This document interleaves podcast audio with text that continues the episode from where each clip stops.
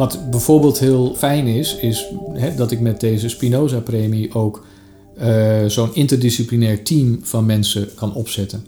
Want willen we echt verder, dan kan ik niet alleen in mijn eentje en de neurobiologie en de experimentele economie en de sociale psychologie allemaal bij elkaar vegen. Dus ik heb mensen uit die verschillende domeinen van wetenschap nodig om samen een team te vormen om gezamenlijk van elkaars kennis en kunde te profiteren. Nou, en dat geeft die Spinoza-premie, stelt mij daartoe in staat. Al dus Karsten de Dreu. Hij is hoogleraar sociale en organisatiepsychologie in Leiden. En afgelopen juni viel hem in de rode hoed samen met drie anderen de eer te beurt om de Spinoza-premie toegekend te krijgen. De hoogste Nederlandse onderscheiding in de wetenschap. Ik ga hem vragen in dit gesprek wat hij met dat geld gaat doen en waar we hem ook alweer van kennen. En wat het betekent voor hem om zo'n hoge onderscheiding te krijgen. Welkom bij de podcast van Wetenschap.nu. Mijn naam is Karin van den Boogaard. Welkom, Karsten de Dreu. We zitten in jouw eigen werkkamer, uh, in jouw huis in, uh, in Utrecht. Fijn dat ik langs mocht uh, komen. Welkom in de podcast van Wetenschap.nu. Dankjewel. Wat betekent het voor je dat je deze onderscheiding, die maar zeer weinigen krijgen, dat jou die eer te beurt is gevallen? Uh, nou, om te beginnen is het een, is een enorme eer. zoals je al zegt, het, maar weinigen krijgen hem. En als ik het lijstje van, laten we zeggen, voorgangers en, en medelaureaten bekijk, dan, ja, dan begeef ik mij ineens in heel erg goed gezelschap. Dat is fantastisch, dat is een enorme eer. daar word je al stil van. Ehm, dus dat is het eerste. En het tweede is, ja, het komt ineens met een enorme hoeveelheid geld de afgelopen 25 jaar heb ik hard gewerkt, elke keer weer om een klein deel van zo'n bedrag te krijgen. Uh, dan moest je heel diep nadenken over wat je er allemaal mee ging doen. Dan moest je allemaal beloftes maken. Uh, dat was hard werken en dan kreeg je het uiteindelijk. En dan was je soms al wel uitgekeken op het idee. En nu ineens krijg je, nou ja, 2,5 miljoen vrij te besteden aan onderzoek. Um, en dan zit je daar en dan denk je, goh, wat zal ik er dus mee gaan doen? En dan uh, overvalt je dat weer en denk je, ik heb geen idee.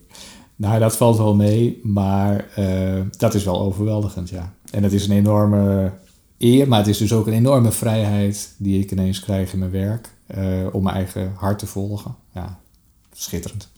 Weinigen krijgen hem, velen begeren hem. Heeft er zich ooit in een hoekje in je hoofd dat idee genesteld als ik toch eens? Nou, natuurlijk. Kijk, uh, er zijn collega's van mij die hem wel eens gekregen hebben. Ehm, en op zo'n moment, die collega's die ken je, je weet wat ze doen. Je weet ook wel ergens wat je eigen wetenschappelijke statuur is in vergelijking met die collega's. En dan schiet je natuurlijk wel, door, wel eens door het hoofd van, goh, oh nou, dan zou het misschien ook wel. Nou ja, en dan ben je alweer, ga je over tot de orde van de dag. Um, dus dat is één. En wat je natuurlijk ook wel eens denkt, dan zie je collega's uh, die krijgen zo'n bak geld om vrij te besteden. Ja, wat ik net zei, dat is zo'n vrijheid, dat is zo schitterend. Daar kun je natuurlijk met enige jaloezie naar kijken. En dan kun je ook wel eens dromen, goh, wat zou het gaaf zijn als ik dat krijg. Dus ja, dat zijn wel gedachten die af en toe eens langsgekomen zijn. En die gedachten zijn nu gewoon uh, werkelijkheid uh, geworden, dat is mooi. Ja. Um, straks graag over waar je dat geld aan uit gaat geven. Eerst gaan we het geheugen even opfrissen van de luisteraars, waar we jou ook alweer van kunnen kennen. Nou, onder meer van het bestuderen van groepen en de groepsprocessen die zich daarin afspelen. Eh, kan jij dat uitzetten? Uh, of kijk je uh, privé ook gewoon altijd als observator naar groepen waar je ook bent? Oh nee, totaal niet. Uh, ik, kijk, als ik de krant lees of naar het, het televisiejournaal kijk, dan, dan komen natuurlijk dingen langs die gaan over groepen of hoe mensen samenwerken of waarom er dingen fout gaan. Um, en dan zit ik natuurlijk ook wel een deel met een professionele bril te kijken. Zo van, oh ja, dat herken ik. Of, goh, daar had ik nog nooit op die manier naar gekeken. Of, hé, hey, dat is een mooi voorbeeld wat ik in een college of in een artikel zou kunnen gebruiken. Dus op die manier kijk je wel, uh, kun je het nooit helemaal uitschakelen. Maar als ik met mijn, uh, met mijn hockeyteam op het veld sta en we krijgen onderling mot of we vieren de overwinning uh, dan ben ik op dat moment vooral een van de teamleden die baalt dat hij de bal miste of iets dergelijks. Dan ben ik niet daar als de expert op het gebied van groepsdynamica of conflicthantering. naar aan het kijken. Nee hoor, dan ben ik gewoon echt met iets anders bezig. Karsten de Dreu, een van de Spinoza-laureaten 2018, al bekend en gelauwerd vanwege je onderzoek waar ook het knuffelhormoon oxytocine eh, aan de orde kwam. Het ging over onderzoek eh, naar groepsprocessen, waarom in groepen, eh, laat ik zeggen, aan de ene kant soms adaptatie plaatsvindt en aan de andere kant mensen ruzie met elkaar krijgen. Even heel simpel gezegd, hè? want daar ging het over. Hè? Mhm. Ja. Nou, we hebben in dat onderzoek gekeken naar inderdaad de rol van dat uh, hormoon oxytocine bij het tot stand komen van onderlinge samenwerking binnen groepen.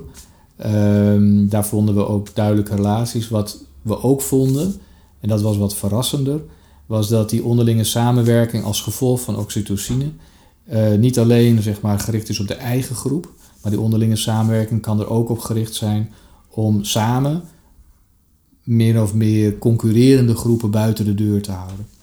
En uh, dat is iets wat we uh, in, in onderzoek bij, uh, bij andere diersoorten ook wel zagen. Niet, dat niet zelf gedaan, maar dat was door, eerder door anderen gevonden. dat, er een, dat oxytocine niet alleen betrokken is bij knuffelen, maar ook bij een, ehm, ja, een verdedigende agressie naar, naar, naar mogelijk vijandige buitenstaanders. En dat was bij, dier, bij verschillende diersoorten al wel gevonden. En wij konden dat in ons laboratorium uh, ook bij mensen uh, vinden. En dat was op zich uh, heel vernieuwend en ook wel verrassend. Dus je hebt een groep die kan onderling ruzie maken, maar als er een vijand van buiten komt, dan sluiten de gelederen. Dat is overigens niet wat we met dat oxytocine-onderzoek vonden. maar dit is wel iets wat je vaak ziet. Dus wat je vaak ziet is dat hè, de gemeenschappelijke vijand kan een heel erg bindende factor zijn in, in, in, in een groep. En het zou heel goed kunnen dat daar hoogstwaarschijnlijk allerlei hormonale reacties ook een rol spelen. Dus er is een gemeenschappelijke vijand. Dat zou wel eens allerlei hormonen kunnen oproepen, hormonale veranderingen kunnen bewerkstelligen in het lichaam. En die hormonale veranderingen kunnen vervolgens ertoe leiden dat we de handen binnen de eigen groep de handen ineens slaan.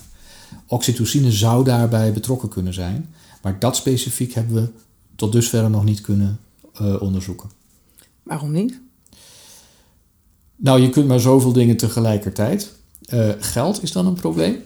Dat is nu uh, geen probleem meer hoor. Dat is nu geen probleem meer. Uh, kijk, het onderzoek naar oxytocine was voor mij. Ik was niet zozeer geïnteresseerd in oxytocine en de werking daarvan. Voor mij was oxytocine een, een manier om grip te krijgen op de biologie achter samenwerken en conflicten. Um, en er zijn ook andere hormonen die daarbij een rol spelen. Denk aan testosteron bijvoorbeeld, een uh, voor de hand liggende kandidaat. Op een gegeven moment ben ik dus meer geïnteresseerd in dat samenwerken en, en die conflicten. En de biologie daarachter is één van de dingen. Oxytocine hebben we een deel, hebben we redelijk wat kunnen blootleggen, kunnen ontdekken. En op een gegeven moment verschuift mijn aandacht. Zeg, nou, daarover weet ik nu genoeg. Anderen gaan daarmee verder, zijn daar ook mee bezig. Daar hoef ik niet constant mee aan de gang te blijven. En dan verschuift mijn aandacht zich ook naar andere uh, neurobiologische mechanismen. Of eventueel ook meer sociaal-culturele mechanismen die vanzelfsprekend ook een belangrijke rol spelen. Was het een verrassing dat dat oxytocine boven kwam? Um, Want daar was je eigenlijk niet naar op zoek. Nee, nee, en dit is, dat is op zich wel een, uh, wel een, een aardig uh, verhaal. ik was een een review aan het schrijven, overzichtsartikel aan het schrijven over conflict en samenwerking. En dat was, is nu een tiental jaren geleden dat ik dat aan het doen was. En op dat moment kwam er langzaam maar zeker steeds meer aanwijzingen dat er ook allerlei biologische factoren betrokken waren bij samenwerken. Dus in dat overzichtsartikel wilde ik ook die opkomende literatuur verwerken. En zo las ik een artikel over uh, de rol van oxytocine bij het ontstaan van vertrouwen tussen mensen. En ik was geïntrigeerd Onder andere omdat ik oxytocine kende uh, uit de huistuin- en keukenpraktijk. Je gebruikt het, vrouwen gebruiken het om de lactatierespons bij de borstvoeding te stimuleren. Daar kende ik het van. Uh, en toen dacht ik van, goh, ik weet dat het allerlei fysiologische reacties heeft. Maar dat het ook vertrouwen kan oproepen, dat is opmerkelijk. Dat is leuk. En tegelijkertijd dacht ik, ja, de koekoek. Als er een lichaamseigen stof is die ons uh, in, die ons aanzet om andere mensen te vertrouwen, ja, dat, dat kan in de loop van de evolutie nooit doorgaan. Want iedereen maar ruksigloos vertrouwen, dat traft zich op een gegeven moment af. Nou, en dat was het moment waarop ik dacht, ja, misschien dat die functies van oxytocine beperkt zijn tot de eigen groep. En zich niet uitspreiden tot mensen van andere groepen. Nou, en, zo, en toen dacht ik, dit is, een, dit is een goed idee. Dit kan eigenlijk niet anders dan werken. Nou, en toen kostte het nog anderhalf jaar om dat voor, de, uh, voor elkaar te krijgen. Toen zijn we het inderdaad gaan uitzoeken, gaan toetsen. En toen vonden we inderdaad daar ook uh, duidelijke aanwijzingen voor. Maar dat is een beetje de achtergrond. Dus het was een beetje, ja, stumbling onto it. Gelukkige inval, ja. Of hoe zou je het moeten noemen? Een niet gezochte uh, vondst. Uh, hoe zou je dat zelf Ja, ik bedoel, je bent dingen aan het lezen, uh, je bent dingen aan het verwerken, je probeert dingen bij elkaar te brengen. En ineens zie je dan, doordat je dat aan het doen bent en een klein beetje buiten de eigen gebaande paden gaat, loop je tegen dingen aan waar je denkt, hé, hey, dat is interessant. Maar dat kan helemaal niet zo. Want met de kennis die ik heb, zou je iets heel anders voorspellen. En de collega's die oorspronkelijk dat oxytocine-onderzoek hadden gedaan, die kennen niet die, die intergroepsliteratuur waar ik goed in zat. Dus die waren ook nooit op dat idee. Nou, en op die manier. Dus voor een deel is het ja, een verrassende inval, maar ik denk dat die ook wel komt doordat je gewoon studeert en werkt. En natuurlijk ook op zoek bent naar. Uh, ja, je bent altijd als wetenschapper kritisch op het werk van anderen, vooral dat van anderen. Uh, dus je denkt altijd van: dit kan niet kloppen. Nou, en in dit geval dacht ik nee, maar het zit anders. Nou, het bleek ook anders te zijn.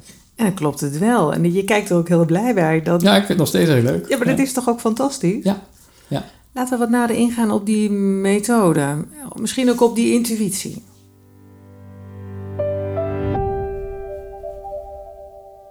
Karsten de Dreu, hoogleraar uh, sociale en organisatiepsychologie in Leiden, woonachtig in Utrecht. En daar zijn we nu. Net ging de bel. Ik geloof dat er iemand binnengelaten is. Dus we kunnen nu rustig uh, doorpraten.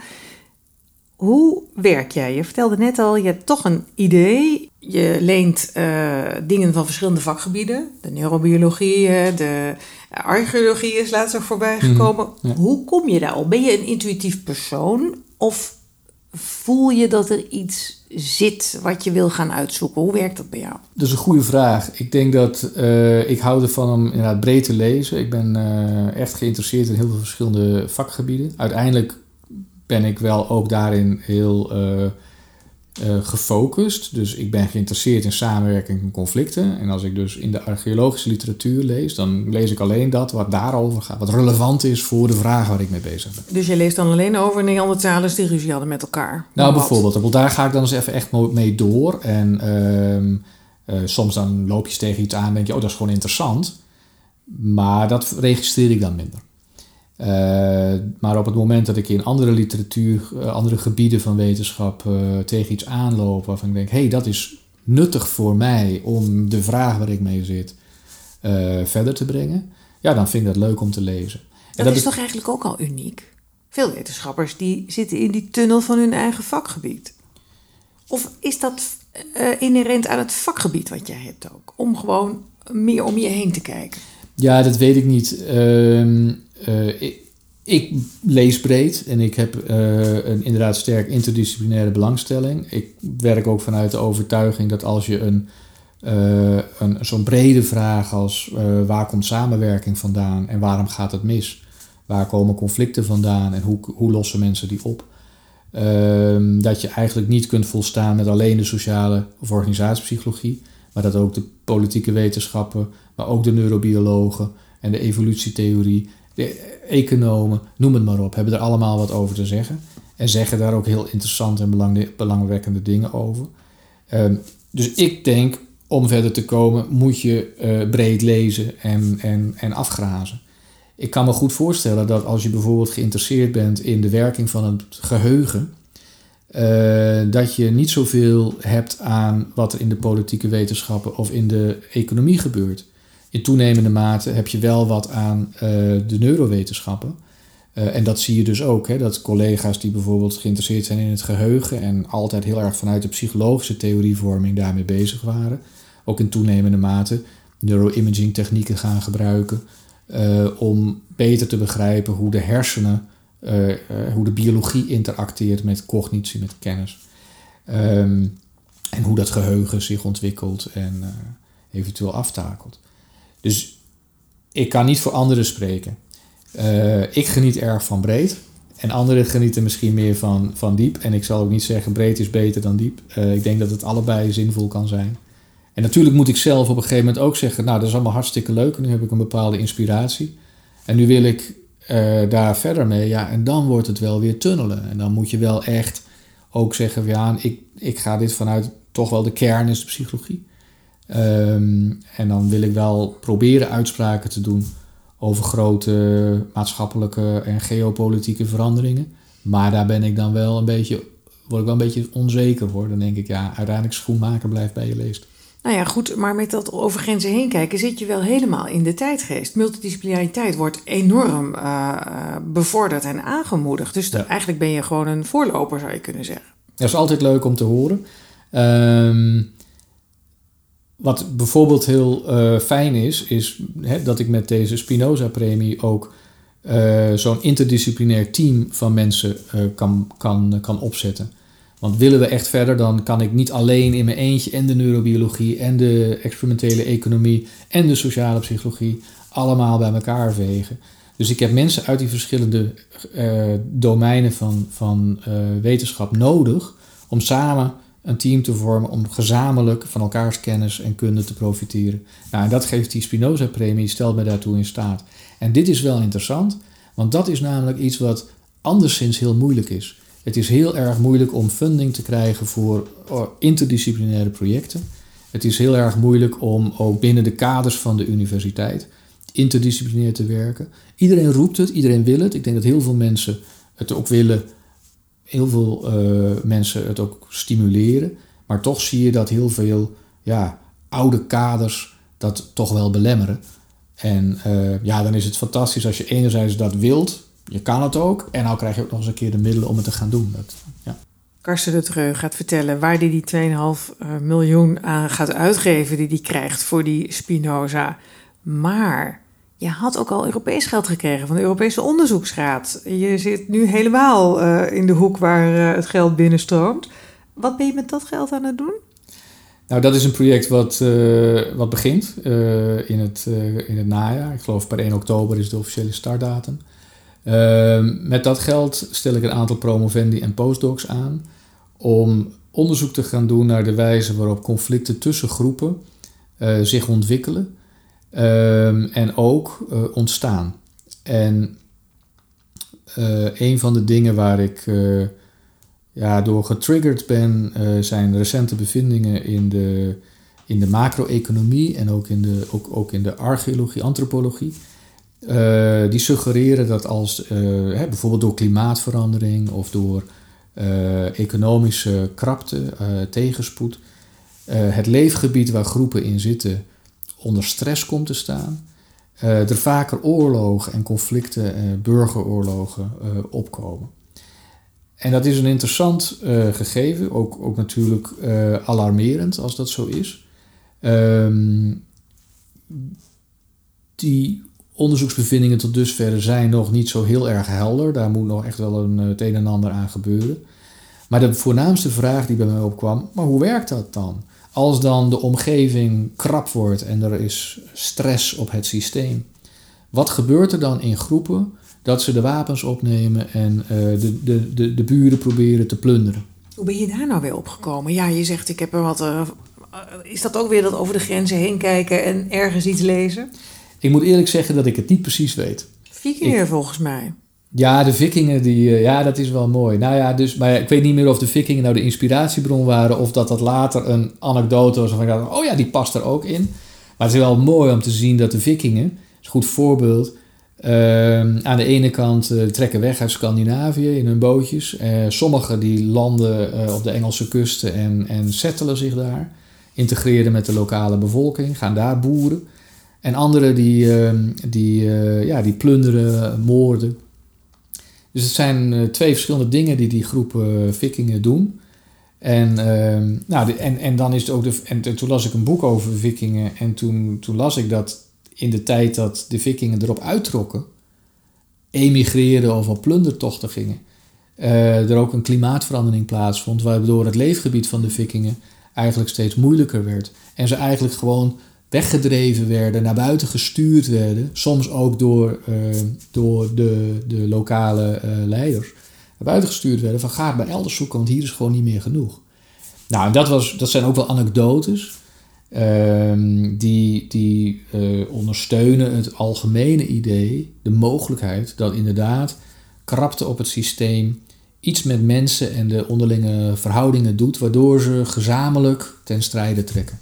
Nou, daar ben ik in geïnteresseerd. En met het Europese onderzoeksgeld ga ik, uh, ga ik proberen dat heel systematisch uit te zoeken. Hoe ga je dat doen? Kan je dat simuleren? Ja, we gaan het op, uh, op twee manieren doen. Eén is dat we uh, nu al bezig zijn om grote databestanden bij elkaar te voegen. Databestanden die enerzijds gaan over um, klimatologische en economische veranderingen door de tijd heen. En dan praten we over eeuwen. Gewoon op jaarbasis, hoe staat het ervoor met de temperatuur, regenval, droogtes? Um, hoe staat het ervoor met de economie, de prijzen van, van voedsel, uh, consumptiegoederen bijvoorbeeld? Dat is eigenlijk een historische benadering. Dat is een, dat is een, uh, ja, een global history uh, benadering. Ehm, dus, maar er zijn tijdreeksen, die zijn beschikbaar en die kun je ook maken. En er zijn ook tijdreeksen over conflicten. En dat betekent dat je eigenlijk kunt gaan kijken, als er nou in de tijd klimatologische veranderingen op tijdstip 0 plaatsvinden, hoe groot is dan de kans dat er op tijdstip 1 conflicten ontstaan? Nou, het kan zijn dat die kans 0 is, dat daar geen systematiek is. Dan is onze theorie uh, al voor een belangrijk deel uit het raam. Maar het kan ook zijn, en de eerste aanwijzingen die we nu hebben, die zijn positief, dat uh, wel degelijk klimatologische en economische veranderingen gerelateerd zijn aan conflicten in de toekomst in een bepaald gebied. Kan je dat zo één op één? Stel, er is een uh, overstroming, noem maar wat, hè? Of uh, een, uh, een, daling in temperatuur of juist een stijging. En dan zie je daar een conflict ontstaan. Zo, zo werkt het? Je kunt de verbanden zien. Wat heel erg moeilijk is om daar uh, harde uitspraken te doen over oorzaak-gevolg. En dat is waarom we naast dit soort onderzoek ook het laboratorium ingaan waar we groepjes kunnen maken van mensen uh, die we dan in een bepaalde uh, conflict situaties brengen. Die ga je ruzie laten maken? Die gaan wij ruzie laten maken. Een soort utopia of expeditie Robinson of zo? Nou, we doen het veel, veel, veel uitgekleder. We gebruiken daarvoor uh, experimentele economie, waarbij je mensen in spelsituaties brengt waarin ze een bepaald bedrag hebben, geld. En dat geld kunnen ze gebruiken uh, mogen ze houden, mogen ze mee naar huis nemen. Ze kunnen het ook gebruiken om uh, hun eigen groep te bevoordelen, te helpen. En ze kunnen het ook gebruiken om een andere groep, aan de andere kant van de gang, in dat geval, pijn te doen. En de vraag die we ons dan stellen altijd in dat soort situaties is: onder wat voor omstandigheden gaan mensen nou hun eigen groep helpen? Uh, en of de andere groep het leven zuur maken. Lijkt Gewoon, me een heel leuk experiment. Het is fantastisch. Lijkt me heel leuk om aan deel te nemen. Dat vinden mensen over het algemeen ook. Het is involverend en uh, ze, ze doen echt hun best. uh, nee, maar we kunnen dus in het laboratorium ook. We hoeven mensen niet op te sluiten. We hoeven mensen ook niet uh, een jaar lang met elkaar lief en leed te laten delen.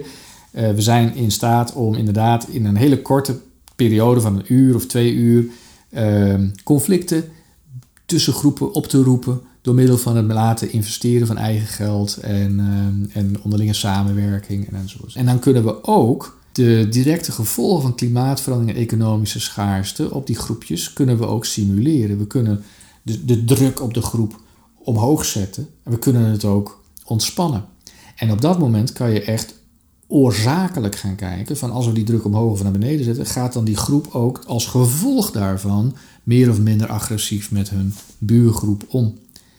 Nou, de combinatie van die twee dingen, die archief, tijdlijnonderzoek aan de ene kant, die over echte conflicten gaat, over, over samenlevingen, en aan de andere kant die hele gestileerde, uitgeklede en tamelijk abstracte conflictjes in mijn laboratorium. De combinatie van die twee zou ons toch wat inzicht moeten geven in wat de mogelijke effecten van klimaatverandering zijn op het ontstaan van conflicten en het verloop daarvan. En dus wellicht ook uh, ons uiteindelijk instrumenten geven om daarop uh, op te acteren, uh, op daarop te anticiperen en eventueel ook adequaat te interveneren. En dan nu de Spinoza, hè? dat was de cliffhanger. 2,5 ja. miljoen. Ja, je mag ermee doen wat je wil. Het maakt niet uit. Leef je uit. Out of the box. Wat wil je gaan? Wat zou je nou heel graag willen gaan onderzoeken? Nou, een van de dingen die ik net noemde toen we het hadden over die vikingen, was dat je zag dat uh, nou, die externe druk die, door, die op uh, de Scandinavische landen ontstond, waardoor de, de, leefruimte eigenlijk niet goed was.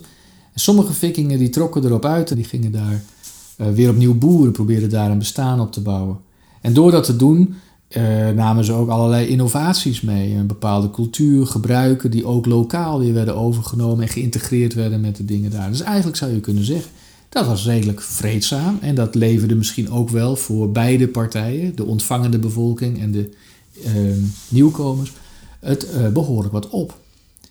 Tegelijkertijd zie je ook dat sommige van die vikingen die gaan plunderen.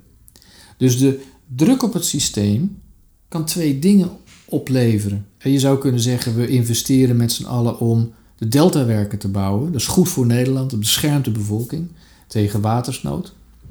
We kunnen ook uh, investeren, dat hebben we ook gedaan, in de Hollandse waterlinie. En dat, is, uh, dat levert ook bescherming op, maar tegen vijandige buren. Um, de deltawerken zijn een innovatie die uiteindelijk ook nog eens heel veel profijt heeft opgezet. Een economische motor geworden. Uh, de Hollandse waterlinie ligt er mooi bij. Maar dat is natuurlijk uiteindelijk een investering die alleen maar bedoeld is om de vijand bij te houden. Daar word je verder eigenlijk niks wijzer van. De vraag waar ik maar op blijf vastzitten, is wat zorgt er nou voor dat individuen samen met anderen ervoor kiezen om het belang van de groep te dienen door middel van innovatie en, en productie, dan wel door middel van laten we eens gaan roven en laten we eens gaan uitbuiten. Beide zijn manieren om het voor de groep goed te doen, maar de ene is geweldloos en vreedzaam en de andere is gewelddadig. Um, we zien het allebei. We zien soms dat de groep de ene keer dit doet en de andere keer dat doet. En ik, ja, ik worstel daarmee. Ik weet eigenlijk niet wanneer een groep het een of het ander gaat doen. En dat zou ik willen weten.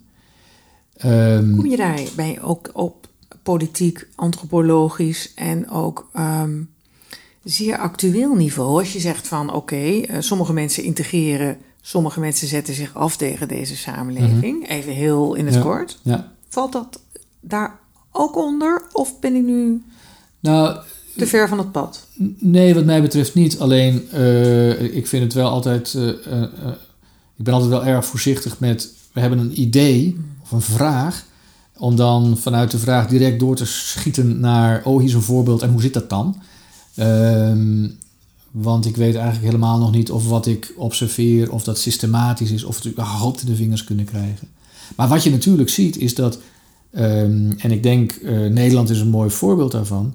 Uh, er zijn periodes in onze geschiedenis waarin we heel erg, waarin we uh, buiten, hoe zeg je dat, nieuwkomers, immigranten met open armen ontvingen. Ehm, en er zijn ook periodes waarin we eigenlijk de grenzen dicht willen gooien. En de vraag is, um, ja, hoe komt dat nou? En dat zou wel eens te maken kunnen hebben, als mijn theorie of hypothese uh, hout snijdt. Dan zou het wel eens te maken kunnen hebben met de staat van het land. Met de, hoe, ga, hoe goed gaat het met de economie? Uh, is het krap of is er ruimte? En is dat nou bepalend voor hoe welkom of vijandig reageren op, op vluchtelingen, op immigranten? Dat zou kunnen. Je kan ermee op glad ijs begeven. Nee, dat klopt. En dat is natuurlijk ook iets wat uh, in feite zijn de, de vragen waar wij mee bezig zijn, die gaan over mensen. Die gaan dus ook over jou en mij. Um, dat zijn over het algemeen vragen die gerelateerd zijn aan problemen. Dingen gaan niet zo goed, zouden beter kunnen of gingen verkeerd. Um, en velen van ons hebben daar ook ervaring mee.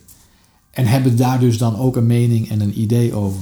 Dat kan een politiek of religieus geïnformeerde mening zijn, uh, of gewoon ervaring. Um, en het is als wetenschapper um, best ingewikkeld om door het stof van de ervaringen en de inzichten de anekdotes te scheiden van de systematiek. Um, dat is voor een deel waarom ik al aan de ene kant lees ik graag de krant en probeer ik die anekdotes te krijgen over vikingen en, en noem maar wat. Aan de andere kant probeer ik ook altijd direct daar weer van te abstraheren. Zeg, ja, maar wat zijn nou de fundamentele principes die hier spelen? Wat zijn de wetmatigheden? Um, dat is één. En het tweede waar ik inderdaad ook altijd wel voorzichtig mee ben, is ja, het onderzoek wat we doen en de implicaties daarvan, uh, die hebben vaak ook politieke en beleidsmatige consequenties of implicaties. En um, ja, dat betekent dat je eigenlijk daarmee uh, beleidsmakers, politici, maar ook uh, mensen in de straat van instrumenten voorziet om dingen te beïnvloeden in de, op de manier die hen goed dunkt. Dat is niet noodzakelijkerwijs uh, wat ik persoonlijk als, als uh, inwoner van Nederland dan ook goed vind. Ik zal één voorbeeld geven. Stel nou dat we inderdaad systematische evidentie vinden voor het idee dat klimaatverandering conflicten kan oproepen. Mijn inzet is dan, oh, dan moeten we kijken hoe we de negatieve effecten van klimaatverandering kunnen inperken. Door te waarschuwen, door te zeggen: Oh jongens, hier is de klimaatverandering, leidt tot conflicten. We moeten deze groepen gaan helpen voordat de vlam, vlam in de pan slaat. Zodat die groepen inderdaad niet hoeven Precies. vluchten. Ja. Maar dat kan je natuurlijk ook misbruiken. Maar je kan het ook omdraaien. En je kan ook zeggen: Aha, daar zien wij dat het eigenlijk heel goed gaat. Dat willen we niet. We willen dat die groepen met elkaar gaan vechten, want dan kunnen wij hen wapens leveren. Weet je wat? Ehm, we zorgen dat uh, we, gaan een dam bouwen waardoor de rivier op, opdroogt en ze voedseltekorten krijgen en dan gaan ze vanzelf wel met elkaar vechten. Of, we nou, of we steken erin door. Ja. Precies. En, maar, dat, maar dat is dus ook een implicatie die voortvloeit uit ons onderzoek. Mogelijk, hè, als we nogmaals, het, het is wat we moeten gaan doen. Ja, als je er op die manier over na gaat denken, dan, ja, dan word ik wel voorzichtig soms. En dan denk ik, oeh, ik blijf wel even op mijn handen zitten voordat ik nu de maatschappelijke relevantie van mijn onderzoek uh, breed uit ga meten. Dat snap ik heel goed. Maar het is ook zo dat als je een Spinoza-laureaat bent, dan mag je wel wat meer zeggen. Ja, en tegelijkertijd voel ik het ook wel weer als juist omdat je uh, die eer krijgt, word je ook een beetje op een, op een zeepkist gehezen. Zo van nu alles wat hij zegt is waar. En dan denk ik, of uh, dan, dan zal het wel zo zijn. Of dan is het dus en dan denk ik, ja, nee, uh, ik weet het ook allemaal niet. Dus het vind ik in, die, in dat opzicht vind ik dat ook wel ineens een verantwoordelijkheid uh, waar ik niet altijd aan wil hoor. Ja. Het schepverplichtingen, noblesse ja. oblige. Ja, dat is waar. Maar bovenal overheerst de blijdschap. Dat kan ik helemaal aan je zien en ik feliciteer je nogmaals. En ik wens je enorm veel plezier ook bij de besteding ervan en bij het bedenken van nieuwe ideeën ervoor. Want die heb je volgens mij genoeg. Karsten de Treu, dankjewel. Dankjewel.